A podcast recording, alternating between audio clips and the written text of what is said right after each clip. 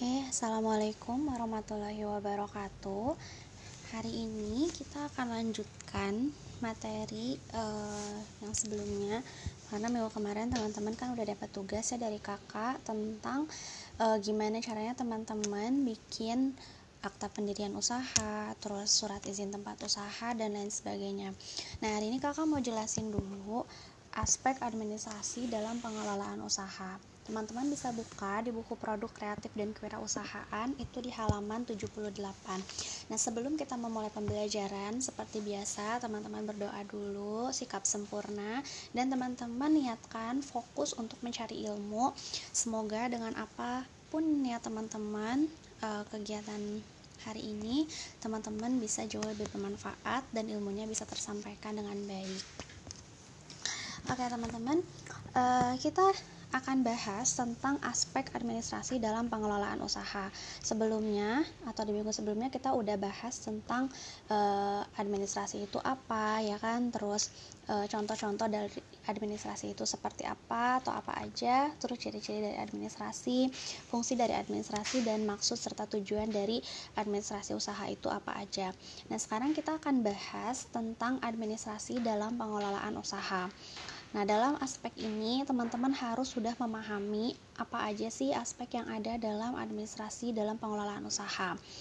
Nah, di sini ada salah satu aspek yang harus teman-teman pelajari yaitu administrasi ketika teman-teman nanti punya usaha atau ketika mengelola sebuah usaha. Dalam administrasi pengelolaan usaha itu terdiri atas perizinan usaha. Jadi ketika teman-teman bikin usaha itu wajib bang wajib banget punya izin terus uh, ada kegiatan surat menyurat ya.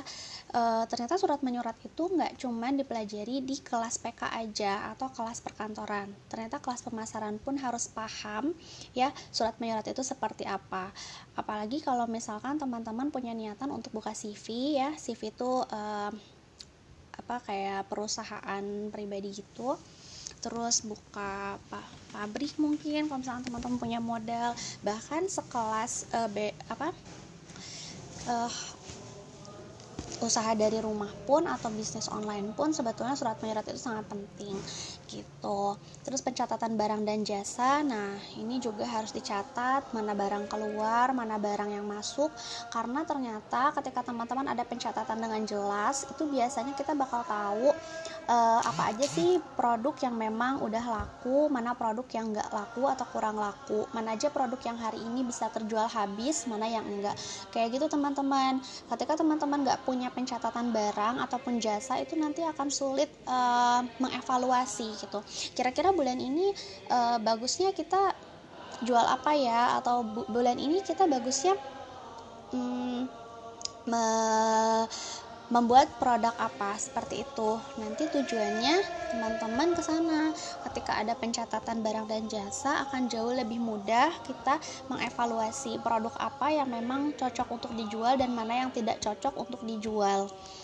Lalu ada pencatatan transaksi keuangan. Nah, ini seperti yang kita bahas di minggu-minggu sebelumnya bahwa ketika teman-teman punya usaha itu wajib banget uh, ada pencatatan transaksi keuangan supaya kita tahu modal kita yang telah dikeluarkan berapa, lalu keuntungan yang sudah kita dapatkan itu berapa, lalu cash flow-nya itu uh, berapa sih setiap bulan yang telah kita terima atau yang kita dapatkan.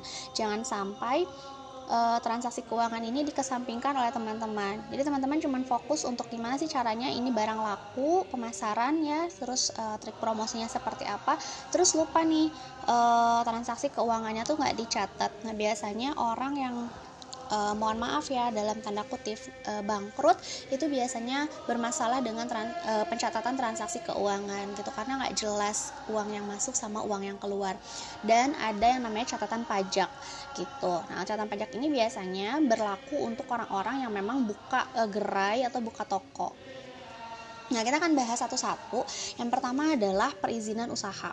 Nah, dari administrasi pengelolaan usaha tadi, itu kita akan bahas uh, aspek yang pertama, yaitu perizinan usaha. Nah, mungkin teman-teman di sini uh, udah nggak asing ya sama yang namanya izin usaha, karena setiap usaha baik itu skala kecil ataupun skala besar itu wajib banget punya izin usaha. Supaya apa? Supaya teman-teman bisa terdaftar di pemerintah. Jadi usaha teman-teman ketika uh, apa namanya bikin satu toko atau bikin satu gerai itu tercatat di pemerintahan gitu. Uh, jelaslah izinnya. Nah kenapa sih banyak banget kasus uh, orang yang ketika jualan di pinggir jalan itu karena gusur ya kan? Atau misalkan kena uh, kena razia oleh satpol pp dan lain sebagainya karena mereka nggak punya izin usaha. Beda halnya atau beda ceritanya kalau misalkan teman-teman itu bikin usaha terus uh, ada jelas gitu kan izinnya secara resmi atau secara tertulis. Sama halnya seperti sekolah kita misalnya.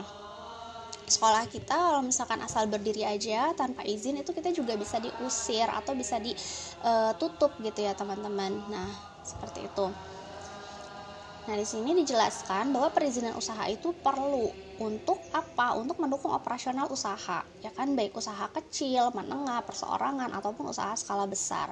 Jika seorang wirausaha sudah memiliki izin itu nggak perlu khawatir lagi teman-teman, karena resikonya kalau misalnya kita nggak punya izin ya secara administratif itu eh, itu tadi nantinya akan ditutup atau bisa jadi diusir dan lain sebagainya gitu.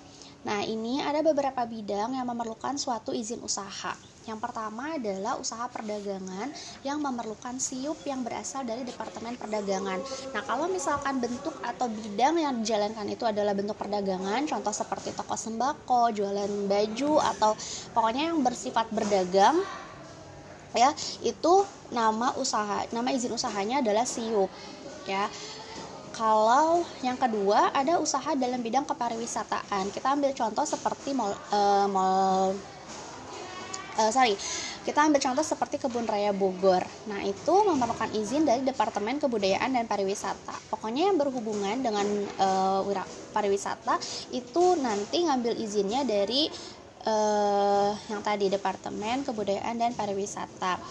Contoh yang lain seperti uh, museum misalnya atau kalau di Bogor apa ya tempat wisatanya uh, taman safari misalkan nah itu membutuhkan namanya izin dari uh, Departemen Kebudayaan dan Pariwisata yang ketiga adalah usaha jasa konstruksi. Nah, ternyata usaha jasa konstruksi ini memerlukan izin, teman-teman. Nah, izin ini dapatkan dari Departemen Pekerjaan Umum yang berbentuk SUJK ya. Nah, SUJK ini e, biasanya berhubungan sama bidang konstruksi. Contoh seperti e, usaha properti ya kan, terus usaha e, besi dan lain sebagainya. Pertambangan itu membutuhkan yang namanya Departemen Pekerjaan Umum yang berbentuk SUJK tadi. Dan yang keempat adalah usaha yang bergerak dalam bidang usaha industri industri itu seperti uh, manufaktur ya yang mengelola bahan mentah sampai bahan jadi, pabrik dan lain sebagainya itu juga ternyata memerlukan izin usaha dari pihak industri yang dikeluarkan oleh Departemen Perindustrian. Nah, keempat bidang tadi itu penting banget teman-teman catat karena uh, empat bidang tadi itu punya uh, apa ya? punya hmm, bisnis yang berbeda atau punya usaha di bidang yang berbeda. Ternyata ketika usaha berbeda mendapatkan izinnya pun dari uh, departemen yang berbeda. Seperti itu teman-teman, ada departemen perdagangan, terus departemen kebudayaan dan pariwisata, ada juga dari departemen pekerjaan umum dan departemen perindustrian. Sampai sini cukup paham ya. Nah, sekarang kita lanjut ke dokumen apa yang harus disiapkan ketika kita ingin memiliki izin yang empat tadi. Kita ambil contoh, kita misalkan mau buka toko. Nah, apa aja sih dokumen yang kita uh, kita butuhkan untuk mendapatkan izin usaha tadi, entah itu SIUP, SIUJK atau izin-izin yang lain. Yang pertama adalah akta pendirian usaha. Nah, akta pendirian usaha ini sangat penting teman-teman miliki karena uh, kita uh, akan tahu kita ketika mau bikin izin itu departemen harus tahu profil perusahaan kita seperti apa ya kan? Terus pendiri usahanya e, siapa saja. Nah itu biasanya ada di dalam akta pendirian usaha ya. Terus disertai saksi-saksi yang didaftarkan ke pengadilan negeri setempat. Nah ini e, biasanya dimiliki oleh usaha-usaha yang memang sudah dalam skala skala menengah gitu. Nah teman-teman ketika membuat akta pendirian usaha itu biasanya ada saksi-saksi yang tercatat di notaris Sampai sini paham ya. Nah, contoh akta pendirian usaha itu ada di halaman 79 kita bisa lihat e, di sini ada tulisan notaris, terus ini ada tulisan Ignatius Daniel Lesmana SHMKN. Ini adalah bukan yang pemilik usaha, tapi ini adalah e, pengacara atau notaris dari si pemilik usaha. Gitu teman-teman. Nah, nanti teman-teman bisa lihat e, juga di Google ya searching-searching banyak di sana contoh dari si akta pendirian usaha atau kalau misalnya nanti kita udah by offline sekolahnya nanti kita bakal nanti kakak bakal tunjukin e, contoh dari akta pendirian usaha itu seperti apa. Kita lanjut dulu ke poin kedua. Selain disiapkan akta pendirian usaha tadi ya yang ada isi profil dan lain sebagainya terus yang kedua adalah situ atau surat izin tempat usaha. Nah, situ ini apa? Teman-teman perlu banget menyiapkan surat izin tempat usaha ini e, karena untuk e, membuka usaha ya itu sudah ada undang-undangnya teman-teman. Nah ternyata kenapa harus punya situ? Supaya kita tahu atau orang-orang setempat itu tahu masyarakat setempat itu tahu kira-kira usaha yang kita buat ini akan mengganggu lingkungan atau enggak gitu. Nah, ya kan surat ini diperlukan dalam menyelenggarakan usaha yang memadai dan sesuai dengan ketentuan dalam undang-undang gangguan. Jadi kalau misalkan kita bikin usaha itu nggak cuma asal buka, tapi e, masyarakat setempat itu perlu tahu kira-kira usaha kita itu akan mengganggu atau enggak gitu teman-teman. Nah, maka diperlukan yang namanya situ atau surat izin tempat usaha tadi yang dikeluarkan oleh pemerintah daerah setempat. Nah, situ ini harus dimiliki oleh perusahaan ya kan tuh baik yang berbentuk perseorangan, firma, CV maupun perseroan terbatas pemerintah ini ngeluarin surat izin tempat usaha itu fungsinya untuk apa sih? Yang pertama adalah untuk menjaga ketertiban. Misalnya kalau misalkan kita buka toko e, makanan di pinggir jalan, kira-kira toko makanan ini bakalan mengganggu e, lalu lintas nggak sih? Bakal macet nggak sih ketika kita buka toko makanan di pinggir jalan misalkan? Contohnya seperti itu. Atau misalnya kita buka mall tapi di dalam perumahan, kira-kira e, itu akan mengganggu masyarakat setempat atau enggak? Nah, tapi kalau kita misalnya punya situ, ya punya surat izin tempat usaha, sekalipun itu mengganggu misalkan, tapi karena kita udah punya situ, biasanya itu tidak akan dipermasalahkan karena sudah punya izin resmi. Beda halnya kalau misalkan kita nggak punya izin resmi. Gitu teman-teman ya. Selain menjaga ketertiban, itu juga memberikan kesempatan yang sama untuk peluang menciptakan lapangan pekerjaan dan demi terwujudnya keindahan tata kota. Nah, ini e, sudah ada undang-undangnya alasan kenapa kita ketika membuka usaha itu harus punya situ atau surat izin tempat usaha. Nah, contoh dari situ itu ada di halaman 80. Di sini ada contohnya pemerintah Provinsi Kota Surabaya, Dinas Pelayanan Perizinan Terpadu memberikan izin tempat usaha. Nah, kurang lebihnya e, formatnya seperti ini. Nanti ada nama perusahaannya, terus alamatnya di mana, bidang usahanya di sini penjualan online. Nah, bahkan e, di sini dicantumkan bidang usahanya dalam bidang penjualan online. Luar, luas ruang usahanya 40 meter persegi. Mungkin sih kalau menurut kakak contoh dari situ ini dia buka toko tapi e, sistemnya penjualannya tetap online gitu nah sekalipun online dia bikin yang namanya si situ ini karena mendirikan e, toko gitu Nah, ada, terus berlakunya ini 17 Juli tahun 2015. Ternyata situ ini e, nggak selamanya. Jadi teman-teman harus bikin per lima tahun karena hanya berlaku selama lima tahun aja ya kan?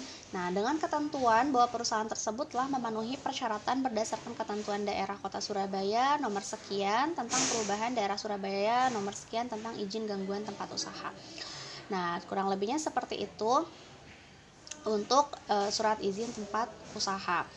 Selain akte pendirian, terus surat izin, dokumen yang harus disiapkan adalah SIUP atau surat izin usaha perdagangan. Nah, SIUP ini diperlukan untuk apa? Jadi teman-teman ketika nanti akan melakukan bisnis dagang, surat ini dijadikan untuk daftar untuk melaksanakan kegiatan usaha perdagangan yang diberikan kepada perusahaan yang keseluruhan investasinya di luar tanah dan bangunan. Jadi ini kalau misalkan untuk golongan usaha kecil. Nah, adapun untuk perusahaan golongan usaha menengah ke atas atau investasi keseluruhannya di luar tanah dan bangunan bernilai di atas 200 juta untuk melaksanakan kegiatan usaha perdagangan harus memiliki surat izin usaha perdagangan. Nah, jadi si siup ini e, harus dimiliki atau e, bisa menjadi salah satu dokumen untuk mendaftar ketika teman-teman punya usaha yang usaha e, luas tanah sama bangunannya itu di atas 200 juta. Contohnya ada di halaman 81 ya untuk surat izin usaha perdagangan. Oke, kita lanjut lagi ke poin keempat dokumen yang harus disiapkan adalah NPWP atau nomor pokok wajib pajak nah nomor pokok wajib pajak ini uh, jadi dia tuh kayak doku uh, bukan kayak maksudnya alat ya atau sarana untuk administrasi perpajakan yang digunakannya untuk sebagai tanda pengenal diri atau identitas wajib pajak. Nah, ini juga perlu teman-teman ketahui ketika nanti mau bikin izin keempat izin yang tadi dokumen selain daripada akte pendirian usaha terus ada situ ada surat izin usaha perdagangan atau siup ada juga yang namanya NPWP gitu. Paham ya sampai sini?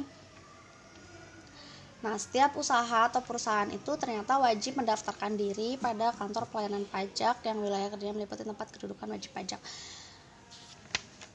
itu juga wajib disiapkan. Nah, di sini ada contohnya di halaman 82 tentang nomor pokok wajib pajak atau NPWP. Untuk nomor NPWP-nya itu yang 02.476 sekian sekian sekian itu nomor pokok wajib pajaknya. Nanti dijelaskan e, nama perusahaannya apa, terus alamatnya di mana gitu.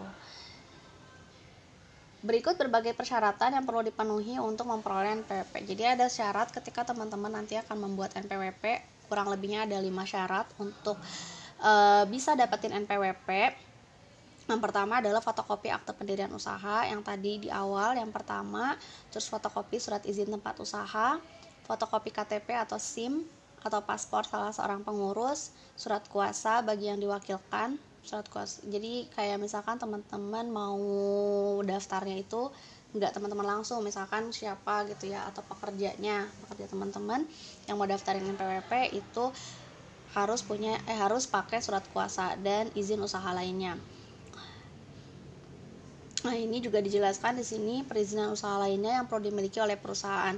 Ternyata lumayan banyak kalau misalkan teman-teman pengen bikin NPWP. Kalau di sini sih.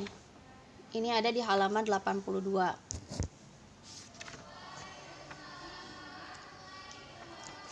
Nah, perizinan usaha lainnya itu apa aja yang perlu dimiliki oleh perusahaan?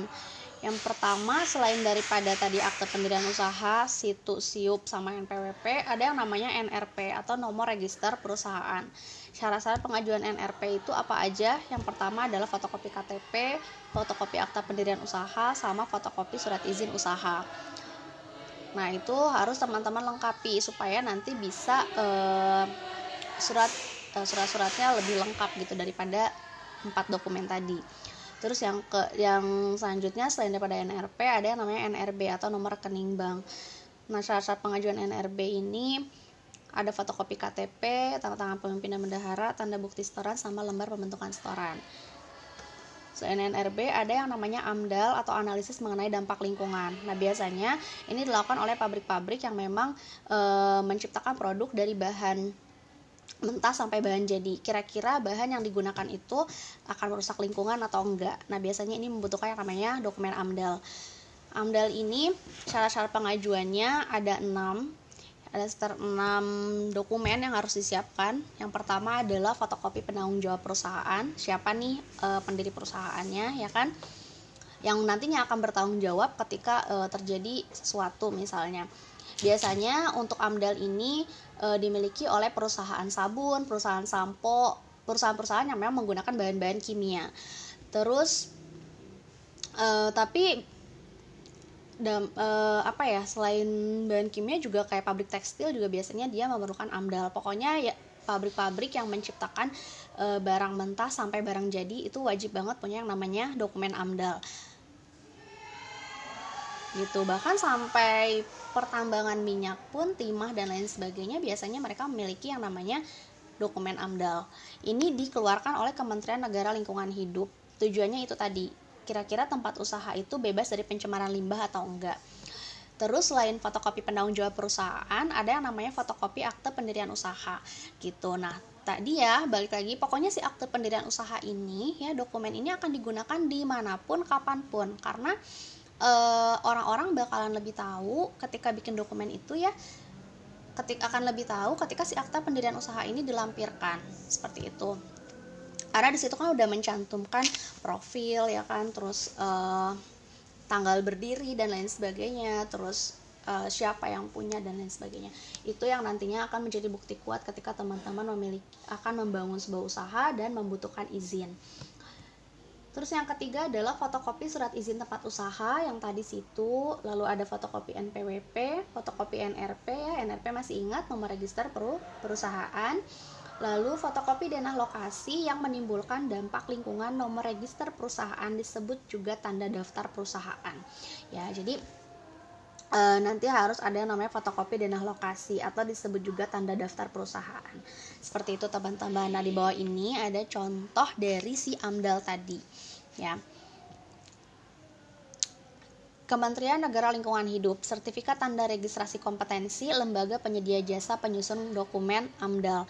Nah, Kementerian Negara Lingkungan Hidup dengan ini menyatakan bahwa PT Teknotama Lingkungan Internusa telah memenuhi semua persyaratan dan ketentuan registrasi kompetensi sesuai peraturan perundang-undangan. Nah, di sini ada peraturan Menteri Negara Lingkungan Hidupnya nomor sekian ya tentang sertifikasi kompetensi penyusun dokumen analisis mengenai dampak lingkungan hidup dan persyaratan lembaga pelatihan kompetensi penyusun dokumen analisis mengenai dampak lingkungan hidup. Ditandatangani oleh e, bidang pembinaan sarana teknis lingkungan. Nah, ini contoh contoh dari si dokumen AMDAL, teman-teman. Sampai sini paham ya, untuk dokumen-dokumen tadi itu dibutuhkan ya agar teman-teman bisa dapat izin usaha tadi. Yang empat yang izin dari departemen perdagangan dari departemen kebudayaan dan pariwisata. Kalau misalnya mau di bidang pariwisata departemen pekerjaan umum kalau misalnya mau bikin usaha di bidang jasa konstruksi atau misalkan departemen perindustrian untuk yang bergerak di bidang industri gitu. Dokumennya apa aja? Kita ulang lagi ya. Yang pertama ad, harus ada yang namanya akta pendirian usaha. Terus yang kedua ada situ atau surat izin tempat usaha. Yang ketiga ada surat izin usaha perdagangan atau SIUP. Yang keempat nomor pokok wajib pajak atau NPWP yang kelima adalah perizinan usaha lainnya Nah, perizinan usaha lainnya itu ada sekitar tiga. Yang pertama ada NRP atau nomor register perusahaan, ada NRB, nomor rekening bank, dan AMDAL atau analisis mengenai dampak lingkungan. Sampai sini paham ya teman-teman? Oke, kita lanjut ke surat menyurat. Ternyata selain daripada membuat izin usaha, aspek lain dari administrasi dalam pengelolaan usaha itu adalah surat menyurat. Nah, biasanya kegiatan surat menyurat ini e, sebetulnya lebih nggak asing di kelas perkantoran, tapi kelas pemasaran juga harus paham. Karena kenapa? Dalam bidang usaha itu, seperti yang kakak bilang tadi, tanpa pencatatan kita tidak akan bisa mengevaluasi bisnis kita itu bertumbuh, berkembang atau stuck. Seperti itu, teman-teman. Nah, untuk kegiatan surat menyurat ini ada sekitar 6, 6 kegiatan ya jenis surat yang digunakan dalam kegiatan usaha ini disebut surat niaga. Jadi beda ya teman-teman antara surat niaga terus surat uh, apa surat-surat yang lainnya lah ya pokoknya.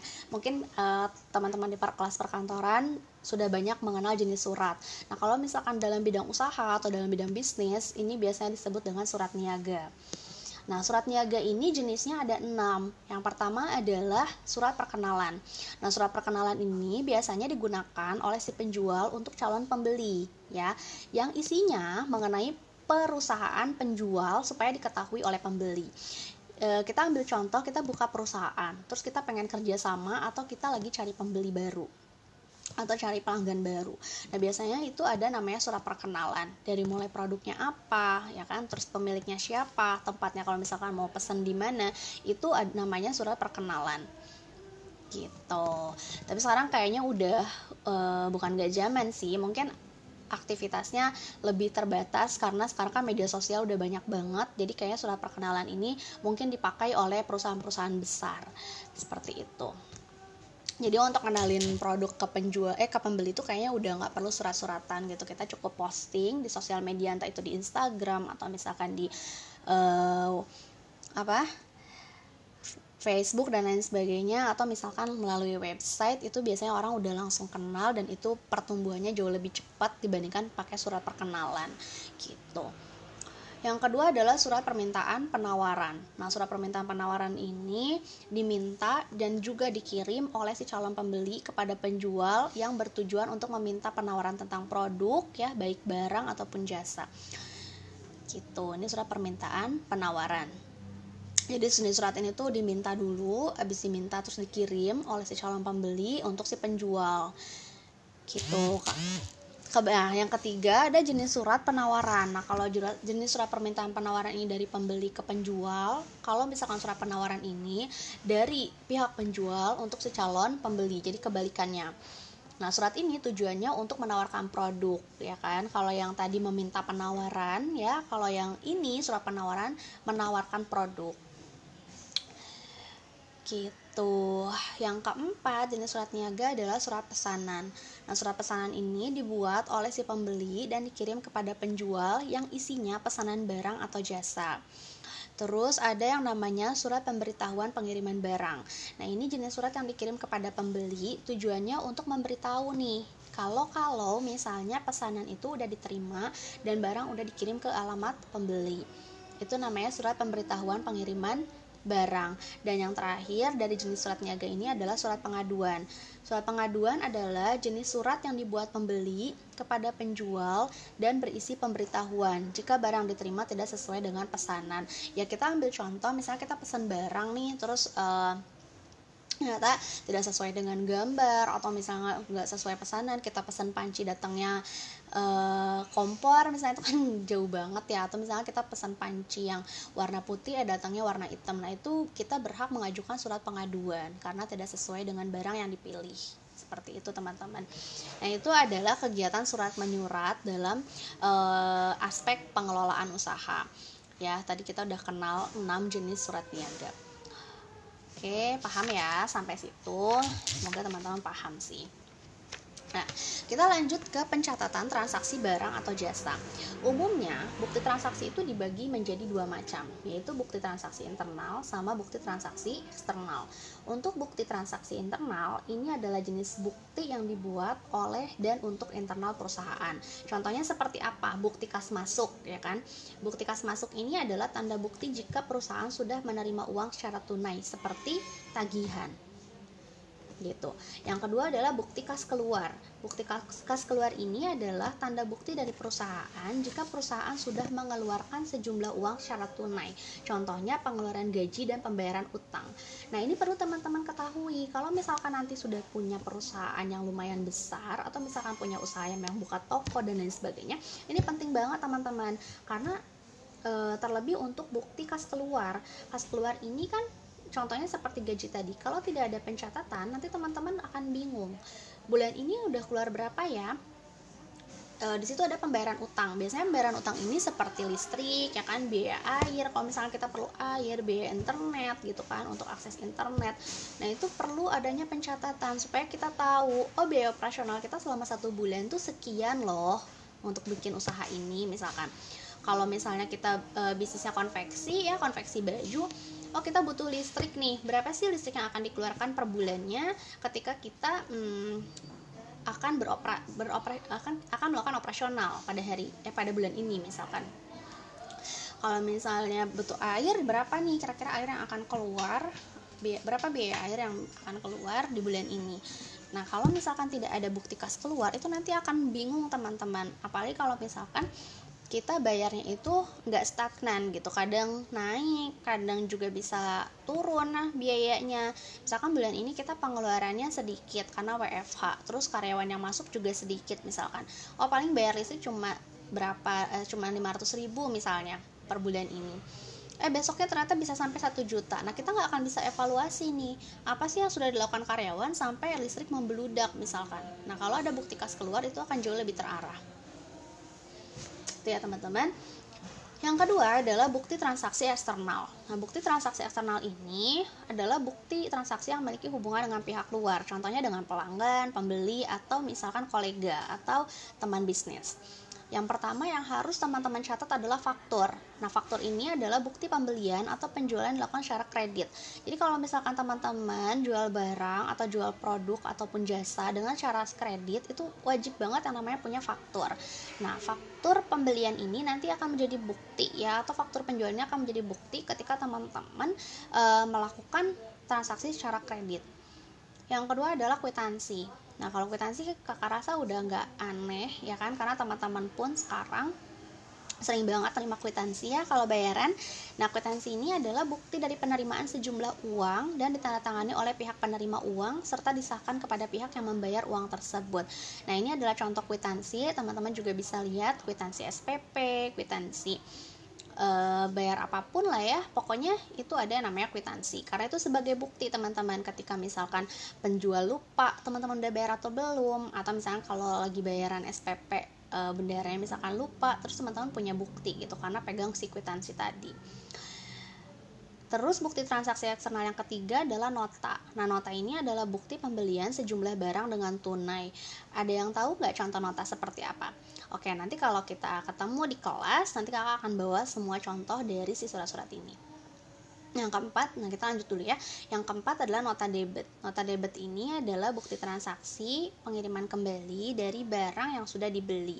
Nota kredit, kalau tadi eh, pengiriman kembali dari barang yang sudah dibeli. Nah, kalau ini nota kredit, bukti transaksi pengiriman kembali barang yang sudah dijual. Ya teman-teman, kalau nota debit sudah dibeli, kalau nota kredit sudah dijual. Terus ada yang namanya e, terakhir ya untuk tra bukti transaksi eksternal ada yang namanya cek. Nah cek ini adalah surat berisi perintah dan dibuat oleh pihak yang memiliki rekening di bank. Tujuannya agar bank membayar sejumlah uang kepada pihak yang namanya sudah tercantum dalam cek tersebut.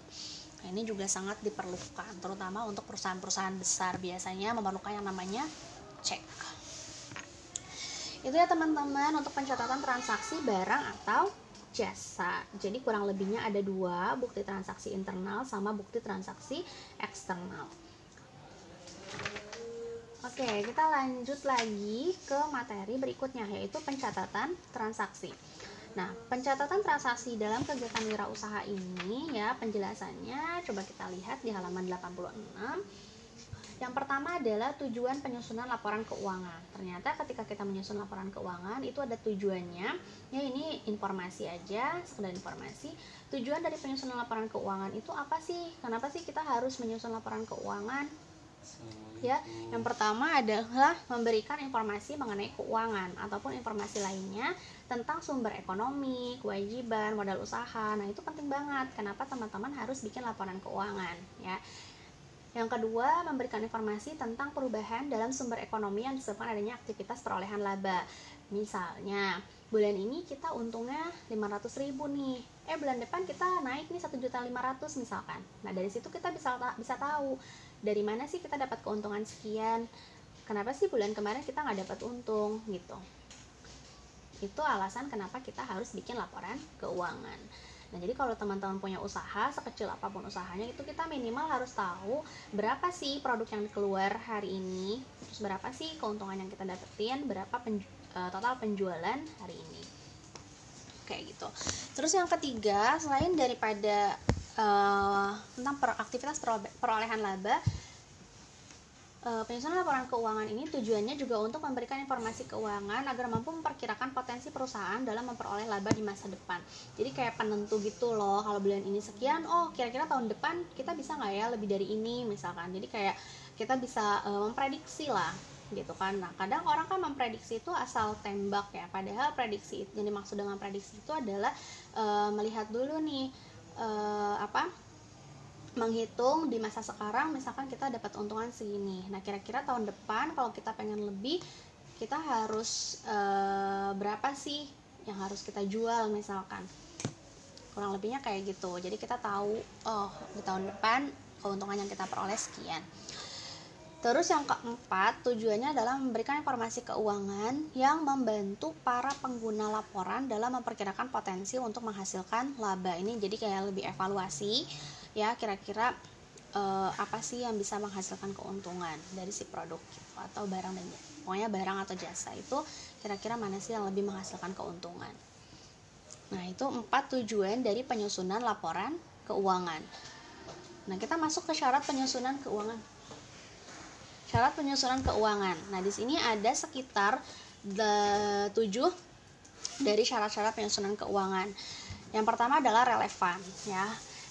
Relevan, terus yang kedua dapat dimengerti, daya uji, netral, tepat waktu, daya banding dan lengkap. Nah, ini dari ketujuh ini harus bisa dipenuhi oleh si manajer keuangan atau manajemen keuangannya harus dipenuhi supaya nyusun keuangannya lebih baik.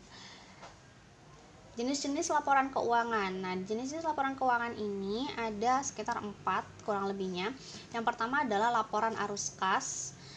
Laporan yang menunjukkan adanya aliran uang yang diterima dan digunakan oleh perusahaan dalam satu periode beserta sumber-sumbernya. Nah, ini namanya laporan arus kas. Terus laporan perubahan modal atau ekuitas ya. Laporan perubahan modal ini adalah jenis laporan yang menunjukkan adanya perubahan modal pemilik atau laba yang tidak dapat dibagi pada satu periode akuntansi. Hal tersebut dikarenakan adanya transaksi usaha selama periode tertentu. Ada juga yang disebut dengan neraca. Neraca ini daftar yang perlihatkan sumber daya dari perusahaan dan informasi mengenai asal sumber daya, dan laporan laba rugi. Nah, yang keempat ini sebetulnya nanti dipelajari di administrasi transaksi, teman-teman. Jadi kita cuma cukup tahu aja di PKK ya. Kalau untuk materi di PKK, teman-teman cukup tahu oh pengelolaan e, administrasi usaha ini seperti ini. Nanti pendalaman materinya itu ada di administrasi transaksi. Terus laporan laba rugi. Nah, di sini kan ada ya contohnya di halaman 87 tentang laporan laba rugi. Nah, laporan laba rugi ini adalah laporan yang berisi mengenai kemampuan dari perusahaan untuk menghasilkan keuntungan dalam satu periode. Nah, di sini dijelaskan laporan laba rugi untuk tahun yang berakhir tanggal 31 Desember 2014 dan 2013 disajikannya dalam rupiah. Di sini ada pendapatan usahanya nih, pendapatan air, pendapatan non air ya kan. Terus tahun 2014 berapa? Di sini ada 103 juta 358.897 sorry 103 miliar 358 juta 897.500 rupiah misalnya Terus beban usahanya apa aja yang dikeluarkan oleh si perusahaan tersebut ya kan? Ada beban pegawai, beban listrik, pemakaian bahan bakar, pemakaian bahan kimia, air baku atau curah, pemeliharaan, pemakaian bahan pembantu dan lain sebagainya sampai ke beban sewa, promosi dan lain sebagainya pun dihitung. Ini eh, sebetulnya harus sudah teman-teman kuasai terutama ketika membuat e, proposal bisnis plan atau proposal bisnis. Terus ada laba rugi usaha. Nah, di sini ada laba rugi usaha, pendapatan beban lain, laba rugi bersih sebelum pajak ya, pajak penghasilannya berapa, lalu nanti dihitung terciptalah angka laba rugi bersih setelah pajak. Gitu, teman-teman. Nah, ini contoh laporan laba laba rugi kakak agak susah sih jelasinnya karena kan kita nggak ketemu langsung ya. Harusnya ini supaya lebih dimengerti itu kita langsung praktek laporan laba ruginya seperti apa. Nah cuma ini uh, apa ya sekedar uh, mengulas. Nanti kalau misalnya kita ketemu di kelas kita akan praktekkan contoh laporan dari si laba rugi ini. Terus kita akan bahas tadi udah nyampe ke pencatatan transaksi dan yang terakhir aspek yang terakhir dalam administrasi pengelolaan usaha adalah pajak Nah, pajak ini merupakan suatu iuran yang berasal dari rakyat dan diserahkan kepada kas negara dengan berdasarkan pada undang-undang dengan tidak mendapatkan timbal balik yang berlangsung dan dapat ditunjukkan serta digunakan untuk membayar pengeluaran umum. Jadi, eh, pajak ini wajib banget ya teman-teman untuk masyarakat, untuk rakyat karena kenapa? E, negara itu sangat bergantung pada penghasilan pajaknya gitu jangan salah loh ya e, negara bisa punya uang ya si kas negara ini bisa ada uang. Itu itu dari mana? Kalau bukan dari pajak. Kayak teman-teman punya motor punya mobil terus punya rumah atau misalkan pakai e, apa? Terus teman-teman pakai jalanan jalan raya itu kan pasti butuh yang namanya e, biaya gitu untuk pembangunan jalan tol pembangunan e, apalagi ya sarana transportasi yang memang milik pemerintah. Itu pasti memerlukan biaya. Nah biasanya biaya ini diambil dari pajak tadi. Gitu. Terus teman-teman uh, untuk untuk uh, istilah dalam perpajakan itu ada sekitar tujuh tujuh istilah. Yang pertama adalah wajib pajak. Wajib pajak ini merupakan orang pribadi ataupun badan yang menurut ketentuan dari perundang-undangan ditentukan untuk melakukan kewajiban perpajakan. Nah, ini wajib pajak itu lebih ke orangnya ya. Subjek pajak ini merupakan orang yang dituju oleh undang-undang untuk dikenakan pajak. Terus ada objek pajak. Nah, objek pajak ini penghasilan ya atau yang eh, apa tambahan ekonomis yang diterima dan atau diperoleh oleh wajib pajak terus ada yang namanya SPT surat pemberitahuan ini merupakan jenis surat yang oleh wajib pajak digunakan untuk melaporkan satu pembayaran ataupun perhitungan pajak. Terus tadi ada NPWP, nomor pokok wajib pajaknya ya. Karena itu termasuk dalam salah satu dokumen penting ketika teman-teman mau bayar pajak. Terus PTKP merupakan singkatan dari penghasilan tidak kena pajak ternyata dari penghasilan itu ada yang nggak kena pajak dan ada PKP atau merupakan singkatan dari penghasilan kena pajak. Nah kurang lebihnya seperti itu. Minimal teman-teman tahu dulu pengelolaan administrasi dalam pengelolaan usaha itu apa aja kalau misalkan teman-teman masih pusing masih bingung bagus ya. Berarti teman-teman tandanya berpikir. Oke sekian dari kakak. Kalau misalnya nanti ada teman-teman mau tanyain itu e, bisa kita diskusikan di e-learning. Terima kasih. Assalamualaikum warahmatullahi wabarakatuh